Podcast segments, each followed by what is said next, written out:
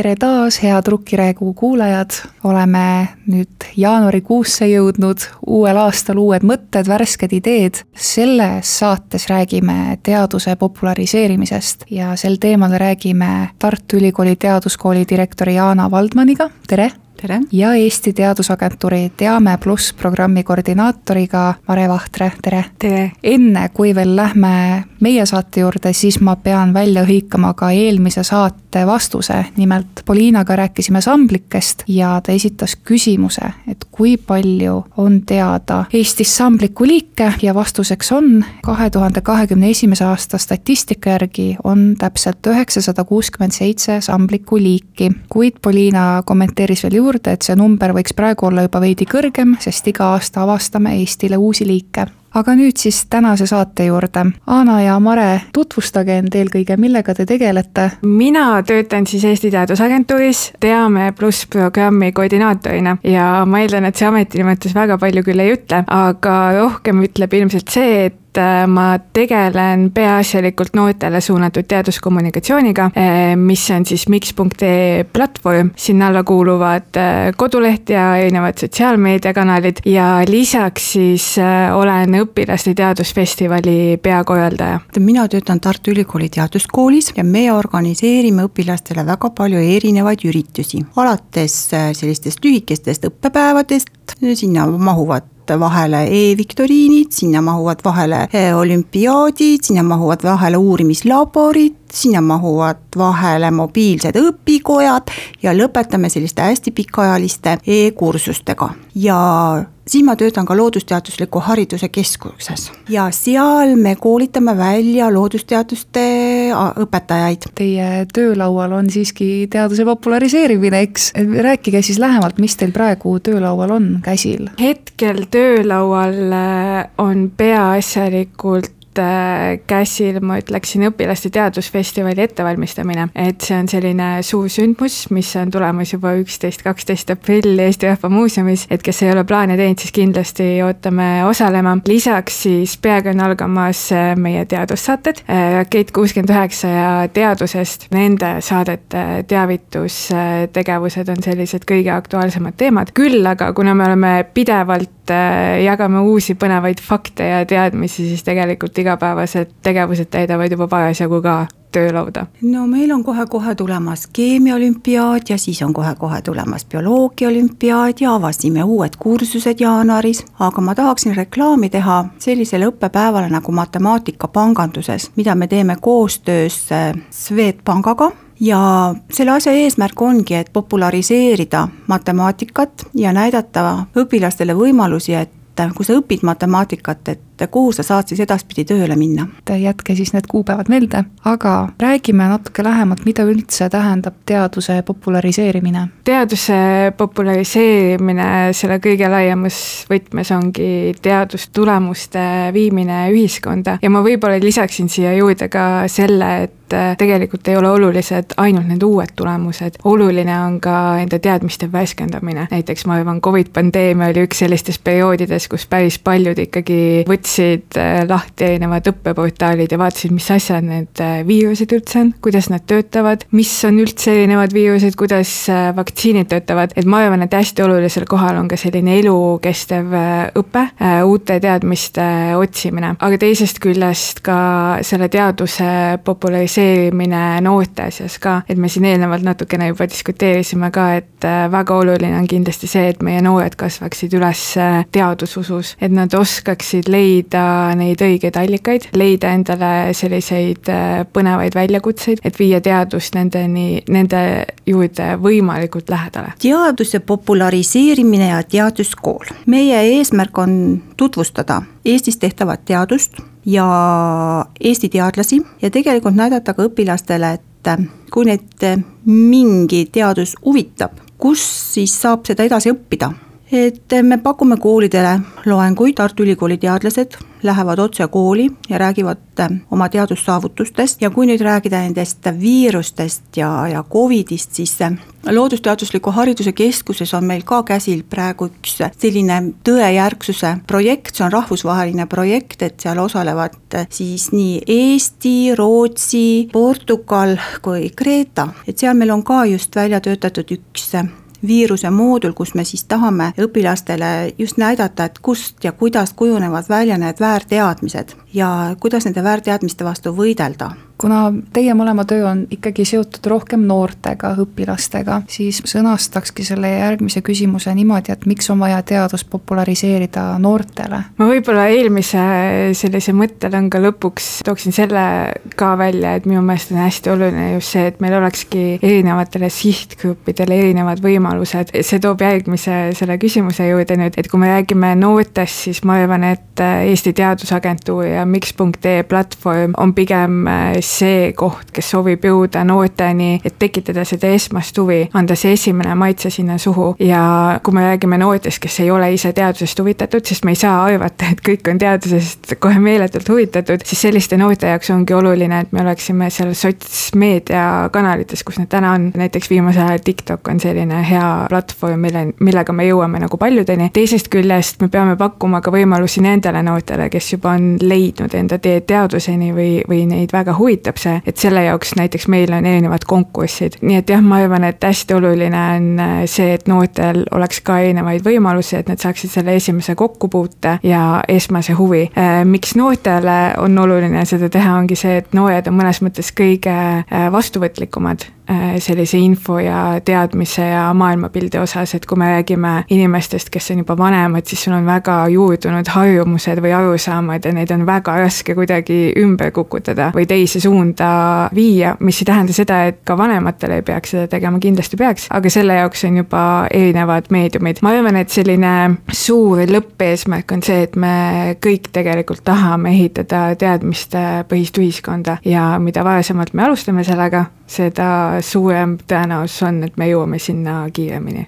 et ma olen eelkõnelejaga täiesti nõus, sellepärast et ma arvan, et siin on selline Eesti vanasõna ka kehtib, et vanale koerale on raske uusi trikke õpetada. et kõik need harjumused, mis lapsepõlvest kaasa võetakse, et need kipuvad meid saatma kogu elu ja väga tore on, kui on selline harjumus, et sa loed, väga hea, kui sa loed Äh, populariseerivat kirjandust, väga hea on, kui sa oskad seda kriitiliselt hinnata, sa mõtled kaasa selle üle, mida sa loed. Väga hea oleks see, kui sa oskad seda enda kasuks pöörata, et sa teed elus iseenda jaoks õigeid valikuid ja otsuseid, olgu see siis toitumist puudutav, liikumist puudutav, tervist puudutav, aga miks mitte ka kas või eelarvet ja majandust puudutavad otsused. lisaks enne, Mare, sa tõid välja, et Rakett kuuskümmend üheksa telesaateid mm -hmm. teete, eks ju, mõni mõtleb võib-olla, et see on lihtsalt äh, põnev telesaade, on ju, kus noored saavad teaduseksperimente teha ja teisalt on kooliolümpiaadid, millega, Anna, sina tegeled, kus äh, noored saavad omaealistega nuputada ja ajusid ragistada, see on ka justkui lihtsalt üks sündmus, aga et ei võeta niimoodi, et see on teaduse populariseerimine. kuidas üldsegi jõuda inimesteni, kuidas jõuda noorteni teadusega, sest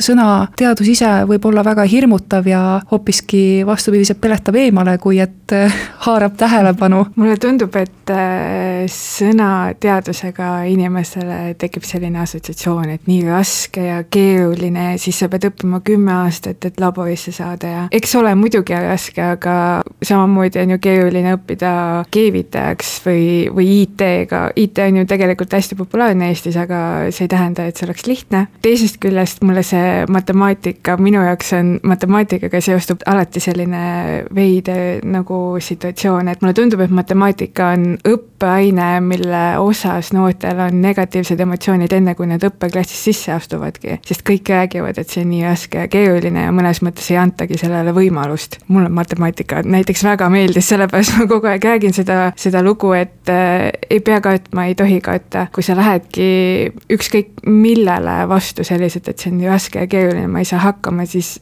ei saagi midagi muud juhtuda. kuidas noorteni tõhusalt jõuda, üks asi, mis ma mainisin, oligi juba see, et teadus tuleb panna sellesse vormi, mida noored juba niisama tarbivadki ja selles keeles, millest nad saavad aru, kui me räägime näiteks DNA-st, siis isegi DNA võib olla liiga keeruline termin, mida noorteni viia. teine asi, mis on väga-väga tõhus äh, on noorte endi kasutamine, et me tegelikult näiteks raketiga ja, ja erinevate konkurssidega on näha ka see, et kui õpilased ise räägivad enda teadustööst, siis need teised noored võtavad seda palju paremini vastu, sest nad oskavad nagu ennast äh, seostada selle õpilasuurijaga näiteks. ja nad näevad, et see ei ole midagi nii keerulist, et tuleb lihtsalt aega võtta, pealehakkamist äh, vajuda, ma ütleks, et need on sellised kaks märksõna no meie jõuame õpilaseni eelkõige ikkagi õpetaja ja kooli kaudu. loomulikult võib kasutada sotsiaalmeediat, erinevat reklaami, aga mulle jäi nagu me kuidagi kõlama, et ka teadus on raske. minu meelest teadus ei ole raske, me võime lihtsalt teadusest keeruliselt rääkida, nii et inimesed aru ei saa, aga teadus ei ole raske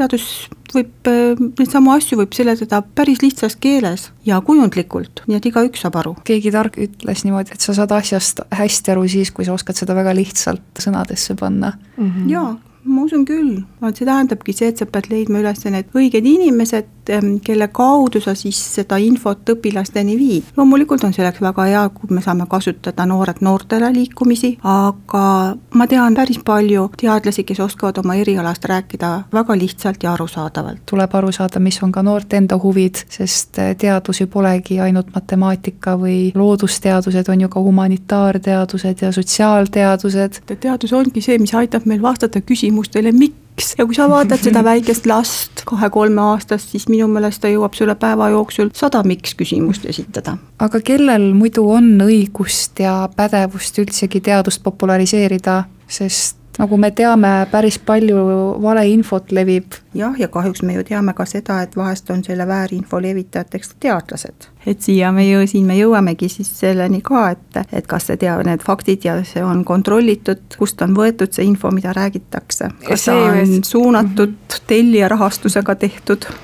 seejuures äh, minu meelest üks aspekt, mis äh, Covidi periood välja tõi, mida ma arvan, et paljud tegelikult ei teadvusta, on see, et äh, teadus on ju tegelikult ajas arenev ja muutuv, et meil tulevad kogu aeg uued teadmised peale. teadmine, mis aastal kaks tuhat kakskümmend oli õige, ei pruugi täna enam õige olla. seetõttu sellised väärinfo levitajad ka tihtipeale satuvad sinna ämbrisse, et teadus pidevalt areneb ja, ja läheb edasi. kui tulla selle juurde, et kellel on õigus teadust populariseerida, siis ma mõtlesin, et kas on nagu mingid kriteeriumid, mida nagu täitma peaks, minu meelest ju ei ole meil niimoodi, et sul peab olema kindlasti doktorikraad, sa pead olema kindlasti mingil X ametipositsioonil, et selles suhtes ma arvan, sellele on võib-olla raske küsida, aga see vastutus äh, võib-olla mõnes mõttes on selle infotarbija enda õlul ka, tuleb vaadata mis on selle fakti või teadustöö taga, kes on see autor, kes on seda infot levitanud, et näiteks äh, tavalisele meediatarbijale ma arvan, kõige lihtsam ongi jälgida ülikoolide kanaleid, ülikoolide teadustöid. Ja tegelikult Eesti Teadusagentuur on ka ju ikkagi täitsa pädev asutus ja organisatsioon, mis äh, vahendab ju Eesti teadusuudiseid. tuleb vaadata, mis on selle kanali taga ja kes seal taga on ma haaraks su sõnasabast kinni, et just ka tavainimesel endal võib see vastutus olla. meil on ju harrastusteadus, kus inimene saab ise panustada, näiteks eh, meie korraldame iga aasta Loodusfestivali ja Loodusfestivali raames on üks suur sündmus, loodusvaatluste maraton, kus siis inimesed saavad kahekümne nelja tunni jooksul vaadelda erinevaid liike ja mm -hmm see üks pilt võib juba nii suure panuse anda teadusesse, see kergendab teadlaste enda tööd, kui on vaja analüüse teha ja lisaks ka inimene ise õpib loodust tundma ja tegelikult, äh, kui me vaatame, mis mujal maailmas toimub teaduse populariseerimise maastikul, siis just äh, kodanikuteadus on see suund, kuhu hakatakse järjest rohkem liikuma. et äh, see toob välja just selle aspekti ka, et et äh, me peame inimestena ka kogu aeg enda teadmisi värskendama ja teadust viima ka inimesteni, kes ei ole enam noored, et just tekitadagi seda harjumust ja mõtteviisi, et meil on teaduslik mõtteviis, kuidas me kogume näiteks andmeid, äh, mis on see allikakriitilisus seal taga, kuna me mõlemad juhtumisi töötame noortega peaasjalikult, siis see ei tähenda, et äh, vanematele